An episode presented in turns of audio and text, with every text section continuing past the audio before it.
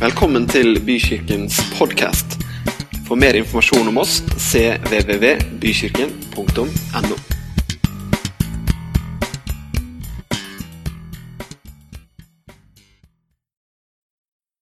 Dere, før vi eh, deler Guds ord i dag, så har jeg lyst til at vi skal eh, be sammen. La oss be om at våre sinn og våre hjerter skal være åpne for hva Den hellige ånd vil si til oss. Bibelen har mange oppfordringer hvor det står Den som har ører, han hører hva Ånden sier til menigheten. Når vi kommer sammen og deler Guds ord, når vi kommer sammen i lovsang osv., så, videre, så er det faktisk sånn at Gud har noe han vil si til deg og meg. Skal vi gjøre det? Kjære far, vi kommer framfor deg. Vi kommer framfor deg. Du er vår far, du er den levende Gud. Du er skaper, du er den som opprettholder alt liv. Og vi ber deg, Herre, snakk inn i våre liv. Takk at ditt ord er levende og har evnen til å treffe helt inn i hjertene våre. Skal vi ta et felles Amen. Så bra. Da jeg var 18 år, dvs. Si når jeg nærma meg 18 år, så gjorde jeg det som de aller fleste, eller i hvert fall veldig mange 18-åringer gjør i Norge. Hva tror du det var? Jeg tok sertifikat. Og ikke nok med at jeg tok sertifikat på bil, men jeg tok også sertifikat på motorsykkel samtidig. Og da det nærma seg oppkjøring på MC, så skulle jeg jo da ha en sånn tentamen på denne oppkjøringen på kjøreskolen. Det var en av de andre kjørelærerne på trafikkskolen som skulle gjøre en test med meg. og Vi satte oss på sykkelen og vi kjørte av gårde. og På denne intercomen så sier han 'ta første mulighet til høyre'. Jeg tar første mulighet til høyre og har ikke mer enn gjort det før jeg kjenner at det er en annen som overtar kontrollen på motorsykkelen. Han satt jo der med brems og kløtsj og alt bak der. ikke sant? Og så ser jeg bare i sidesynet en hånd opp der. Hva betyr det skiltet? Det betyr innkjøring forbudt, sa jeg. Og man må jo liksom bestå den greia der for å få lov til å gjøre videre. og sånn. Hva gjør jeg nå, sa jeg. Vi glemmer dette. Snu og kjør videre, sa han. Glem dette, tenkte jeg. Det er lett å si, liksom. Jeg så liksom bare pengene renne ut, og jeg hadde planlagt en tur med en kamerat på sykkel. og liksom Alt var klart. Veldig lett å glemme. Vi fullførte resten av testen. Og Så går vi av sykkelen, og så sier han Ja, hvordan syns du det gikk? Hva tror du jeg svarte? Jeg var jo fortsatt på den innkjøring forbudt. jeg. Nei, Det var veldig kjedelig med den der innkjøring forbudt-greia, sa jeg. Ja, men det, jeg sa jo det. Vi glemmer det. Og så fortsatte han, og så gikk han liksom gjennom testen. da, ja, det gjorde du riktig der, det var bra der, Og så, og så ble det helt stille. Ja, hvordan tror du det har gått? sa han. Jeg var fortsatt på den innkjøringen forbudt. Ja, nei, det var jo den Du, sa han! Han avbrøt meg. Jeg sa at det har vi glemt. Og han var, han var, faktisk litt sånn myndig og bestemt. Jeg ser ennå de der mørke, brune øynene på han er kjørelæreren. Det som skulle til for at jeg skulle bestå, det fiksa jeg ikke. Men det var en annen som tok ansvaret, og som sa at nå er det ordna opp. Det er ikke så veldig mange år siden jeg var 18. Men som du akkurat har fått kjennskap til, så husker jeg denne hendelsen helt fortsatt. Vi skal lese sammen det som er teksten for det jeg skal si i dag. og Det står i Johannes 19 og vers 30. Da Jesus hadde fått vineddiken, sa han, 'Det er fullbrakt.' Så bøyde han hodet og utåndet. Dette er de siste ordene Jesus sier før han dør. Dette er de siste han sier før han gjenoppstår. Og Jesus' siste ord på korset har noe helt utrolig viktig å si oss. Og jeg tror faktisk ikke at verken det som var igjen av redde disipler, eller slekt, eller venner, eller romersk eh, militærmakt som var til stede under korsfestelsen Jeg tror ikke at noen av de egentlig skjønte betydningen og innholdet i det han sa da. Så skjer det noe. Et mørke kommer over jorda. Forhenget revner fra øverst til nederst.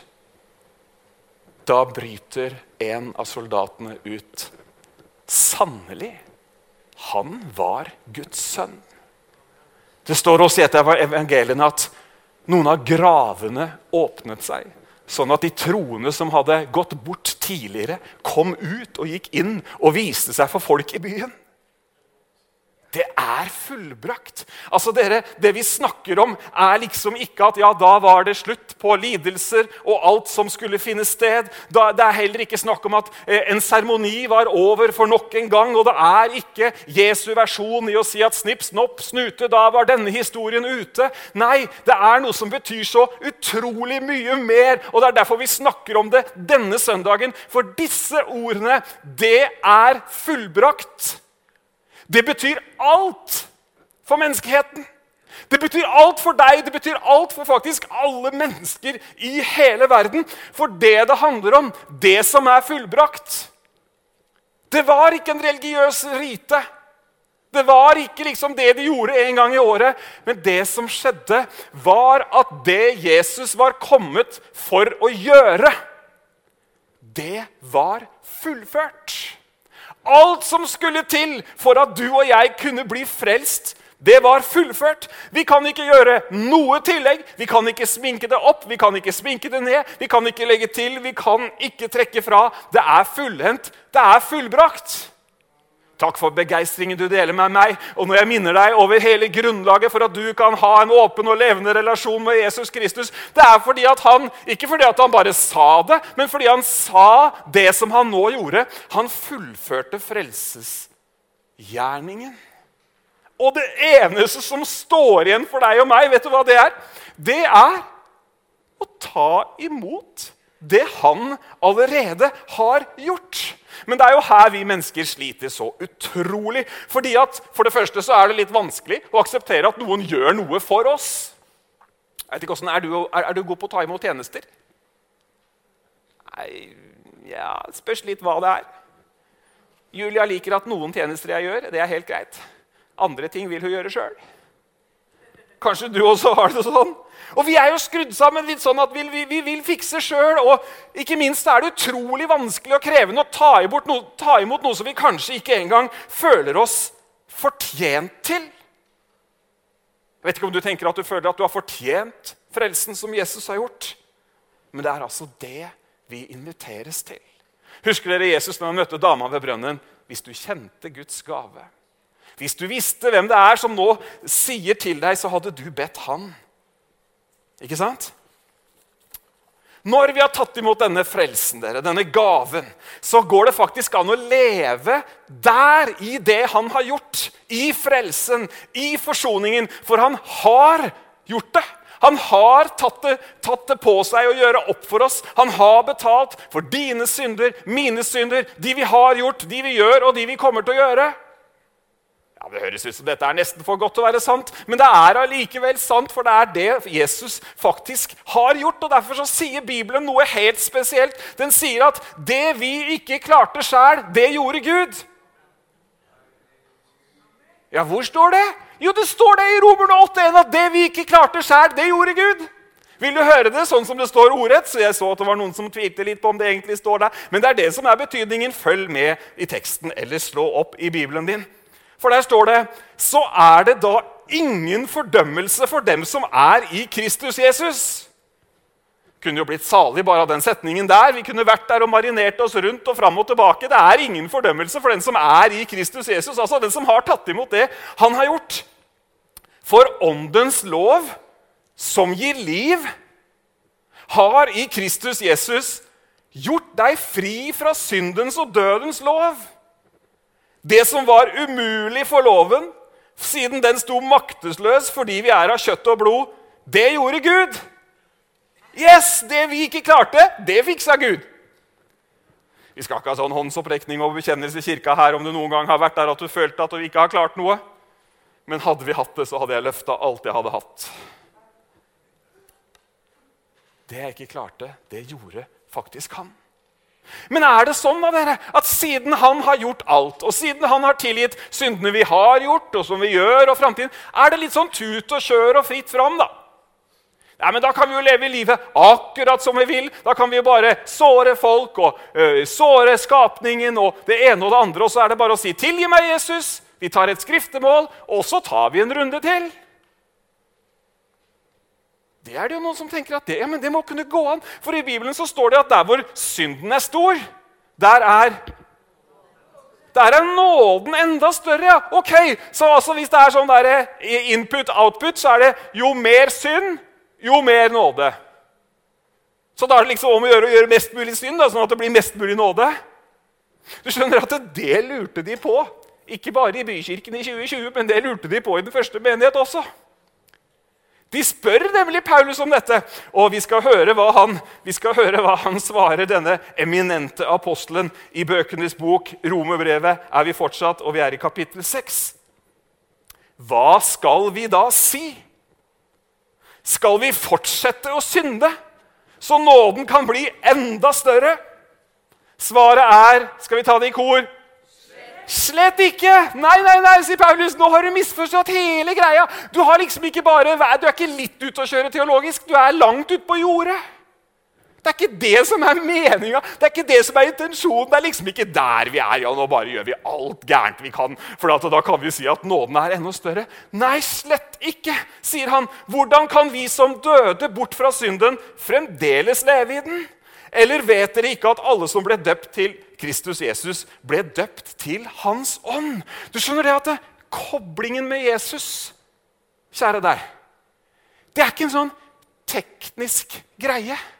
Det er ikke sånn dokument du liksom har fått. Frelsen er noe helt personlig. Personlig betyr at det angår deg som person. Det er gjeldende for deg som person, uavhengig av land, familieforhold osv. osv. Tilgivelse er ikke en økonomisk transaksjon. Det er liksom ikke som når du endelig har nedbetalt lånet i banken og du får liksom en melding om at eh, gjeldsbrevslånet er opphørt. Alt er innbetalt. Nei, tilgivelse, det som Jesus gjorde Han har tilgitt oss alle syndene det er noe personlig.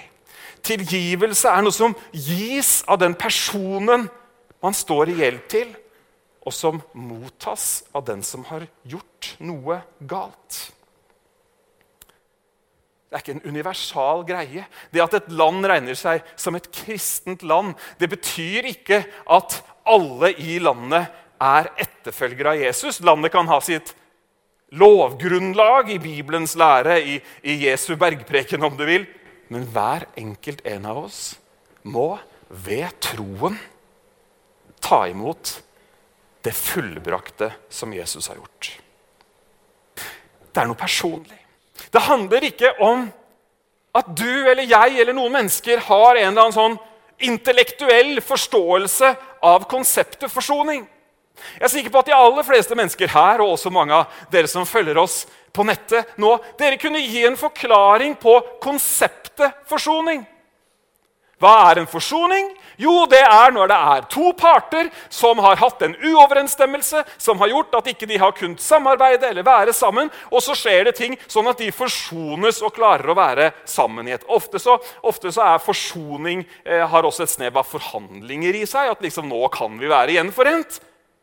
Det konseptet forstår vi. Vi forstår også konseptet frelse. Vi kan forstå det veldig bokstavelig, som når noen blir reddet ut av en situasjon eller frelst ut fra noe. Men du skjønner at det Jesus kommer for å dø for, det han kommer for å gi, det han kom for å gjøre, var å skape en personlig relasjon. Han vil at du og jeg ikke skal ha en konseptuell forståelse av frelser og forsoning. Han vil at vi skal ha et forhold til Frelseren. Han vil at vi skal ha et forhold til forsoneren. Forsoneren. Og du skjønner, Da blir hele greiene med skal vi bare fortsette å synde, skal vi bare prøve å strekke strikken Hele den problemstillingen blir egentlig helt borte fordi at du har en personlig relasjon til Jesus.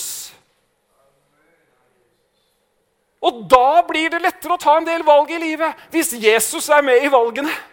Da blir det faktisk en helt annen greie, og det er Jesus som er senteret. Verken frelse eller forsoning det kan ikke finne sted uten at Jesus faktisk er der. Det er han som har gjort det. Det er han som har båret død, seier over synden og stått opp igjen. Det er fullbrakt.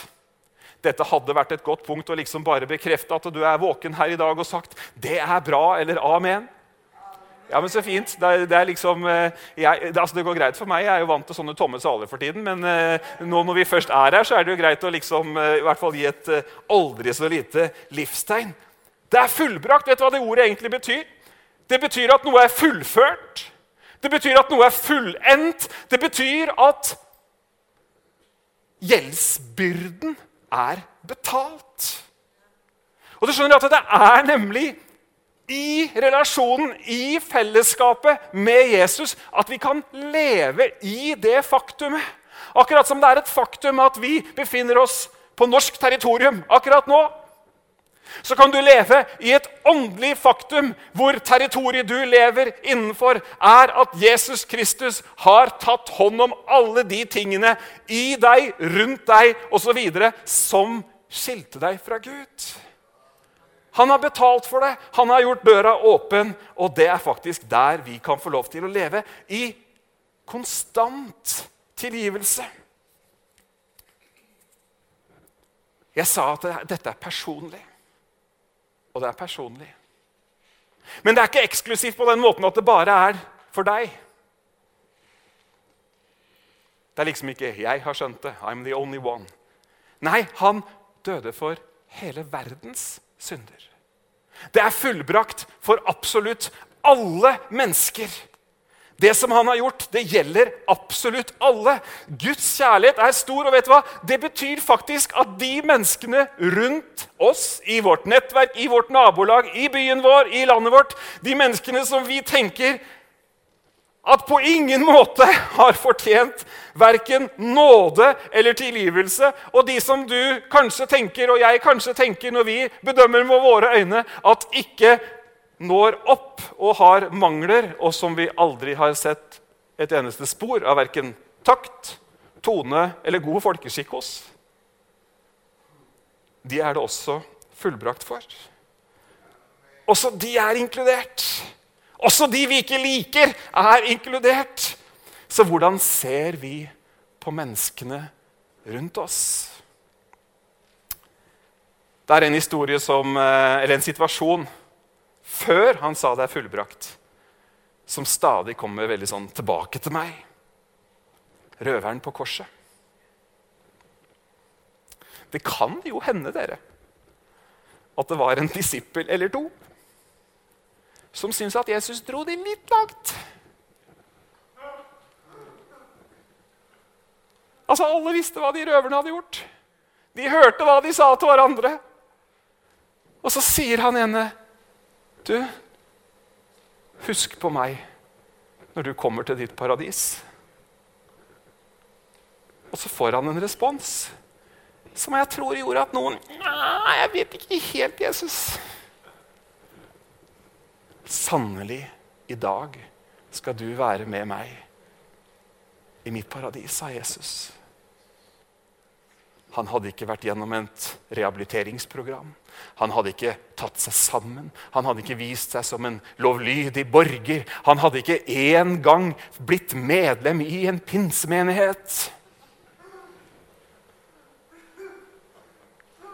Men det var tydelig at det fullbrakte verket som bare var noen strakser unna, det ble han inkludert i. Nå står det ikke noe mer om han, men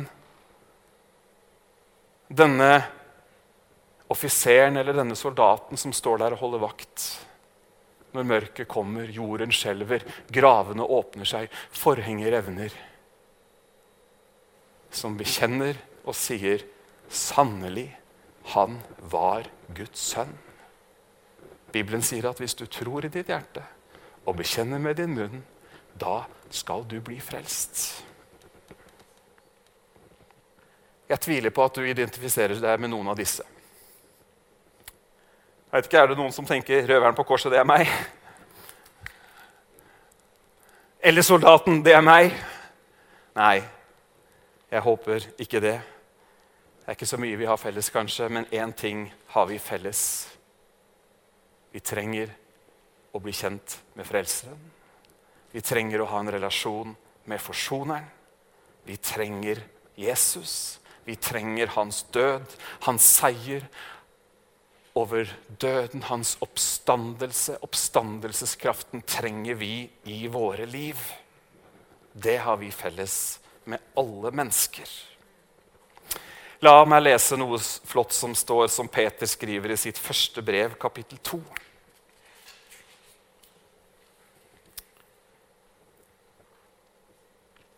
Han gjorde ingen synd, og det fantes ikke svik i hans bunn.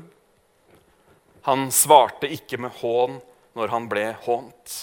Han truet ikke når han led, men overlot sin sak til ham som dømmer rettferdig. På sin egen kropp bar han våre synder opp på treet, så vi skulle dø bort fra syndene og leve for rettferdigheten. Ved hans sår ble dere helbredet. Dere var lik sauer som hadde gått seg vill. Men nå har dere vendt om til ham som er hyrde og tilsynsmann for deres sjeler. Fantastisk. Jesus kom med et oppdrag. Han fullførte oppdraget sitt uten motstand. Han lar seg fange i Getsemane, og en av disiplene blir så ivrig at de tar sverdet og hogger øret av en av de som tilhører styrken til ypperstepresten. Men til og med da så ser vi hvem Jesus er. Og han helbreder denne og setter øret tilbake på plass. Vi ser Jesu guddommelighet. Også i det helt siste, på korset, når smerten er på høyden, når det er intenst, så ser vi hvem Jesus er når han sier, 'Far, tilgi dem, for de vet ikke hva de gjør.' Han, har, han, han hadde et oppdrag som skulle fullføres. Hva er det som skjer da? Jo, Gud kommer i menneskelig skikkelse. Og som et menneske så blir han lik oss. Han, han, han, skjønner hvordan det er å være menneske. Han skjønner smerte, lidelse, og kan identifisere seg med oss. Og som Gud så kan han representere hele menneskeheten, hele skaperverket som den som tar bort synden og seirer over døden. Og helt til slutt, dere hvorfor gjør han dette? Hvorfor skjer dette verket som ender med at det erklæres for fullbrakt? Vi ser det gjennom hele Jesu liv. En kjærlighet til menneskene.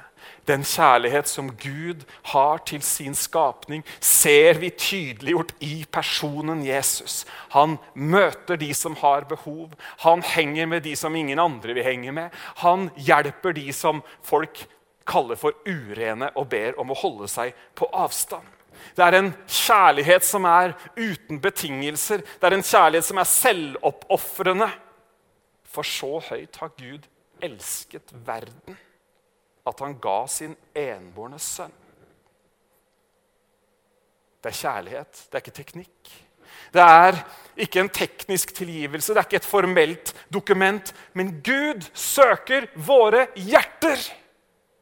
Gud vil ha hjertekontakt med deg og meg. Han har ikke bare lyst til å fjerne synden på en sånn måte at vi vet ikke engang at vi har gjort noe galt, og vi skjønner egentlig ikke hva som skjer. Da hadde vi bare vært sånne bortskjemte eller bortskjemte unger da, med curlingforeldre som bare liksom fikser alt. ikke sant? Men Gud vil ha hjerteforbindelsen med meg, med deg. Han vil at du og jeg skal ha et far-sønn, far-datter-forhold. Han vil at vi skal forandre oss. Forandre oss tilbake til sånn vi egentlig er skapt. At vi skal vende hjertet vårt, et mykt hjerte, ikke et, ikke et hardt steinhjerte, men et mykt hjerte mot Han som allerede har vendt hjertet sitt mot oss. I 1. Johannes brev så sier apostelen Johannes noe om kjærlighet. Det er jo ingen som skriver så mye om kjærlighet som han. Det er inderlig, det er varmt og det er nært. Og man skjønner at det er nødt til å komme ut fra personlige erfaringer, for du bruker ikke sånne ord uten det. Og det står i 1. Johannes brev 3.1.: Se hvor stor kjærlighet Far har vist oss. Vi får kalles Guds barn. Ja, vi er det. Gud vil at vi skal se hvilken kjærlighet vi er elska med. At vi skal se hvor høyt han elsker oss gjennom det Jesus har gjort.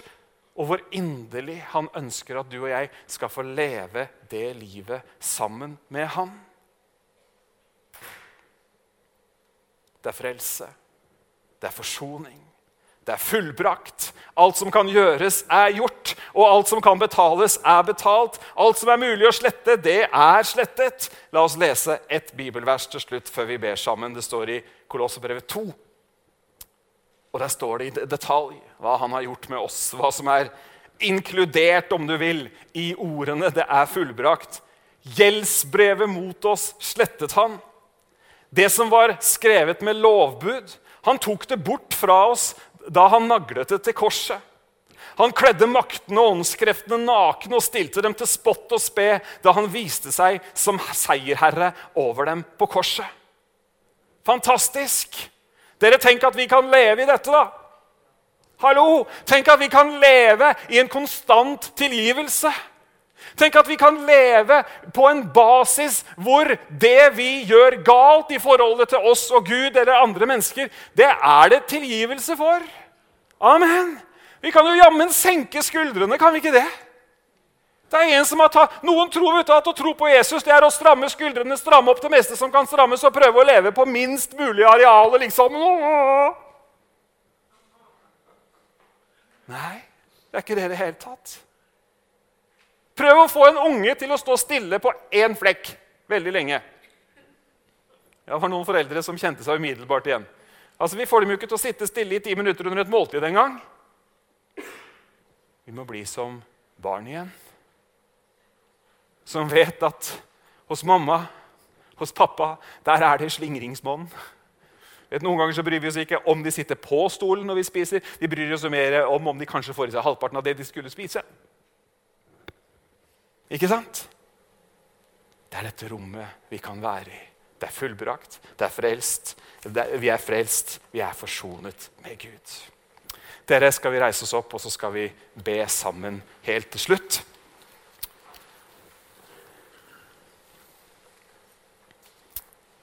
Og så vet du sjøl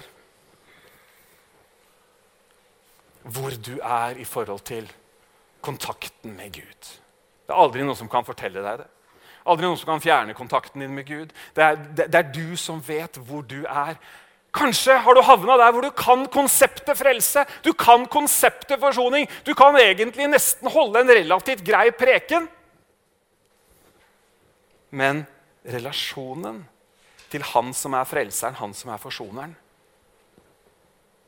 Bare du vet hvor du er i forhold til det. Du kan bare svare for deg selv. Vi kan bare svare for oss sjøl. Kanskje du skal ta opp igjen kontakten? Kanskje du skal finne tid i kalenderen? Kanskje du skal ta en real prat? Kanskje man skal koble med noen igjen? Hva vet jeg? Det jeg vet, er at det er fullbrakt. Døra er åpen, muligheten er der. Og Guds klare invitasjon til alle oss, enten du sitter her i dette rommet eller du er med oss ellers, så er invitasjonen der. Alt er gjort. Det vi trenger å gjøre, er å ta det imot. Kjære Jesus, vi kommer framfor deg akkurat nå. Takk for at du bryr deg om oss, ja, mer enn det. Du elsker oss. Du har tatt hånd om oss, og du har et sterkt ønske, og det er at vi skal leve livene våre i rammen av det du har gjort. Glede, fred, rettferdighet, håp, framtid. Fordi at vi kan hvile i det du har gjort. Takk, far, for din grenseløse kjærlighet. Takk at du er, ikke er langt borte. Takk at du er oss nær. I vår munn, i vårt hjerte. Takk at vi kan kalle på deg akkurat i den situasjonen vi er. Jeg ber for hver eneste en. Takk for relasjonen som fins. Takk for fellesskapet. Takker deg, Jesus. Velsignet være ditt navn. Amen.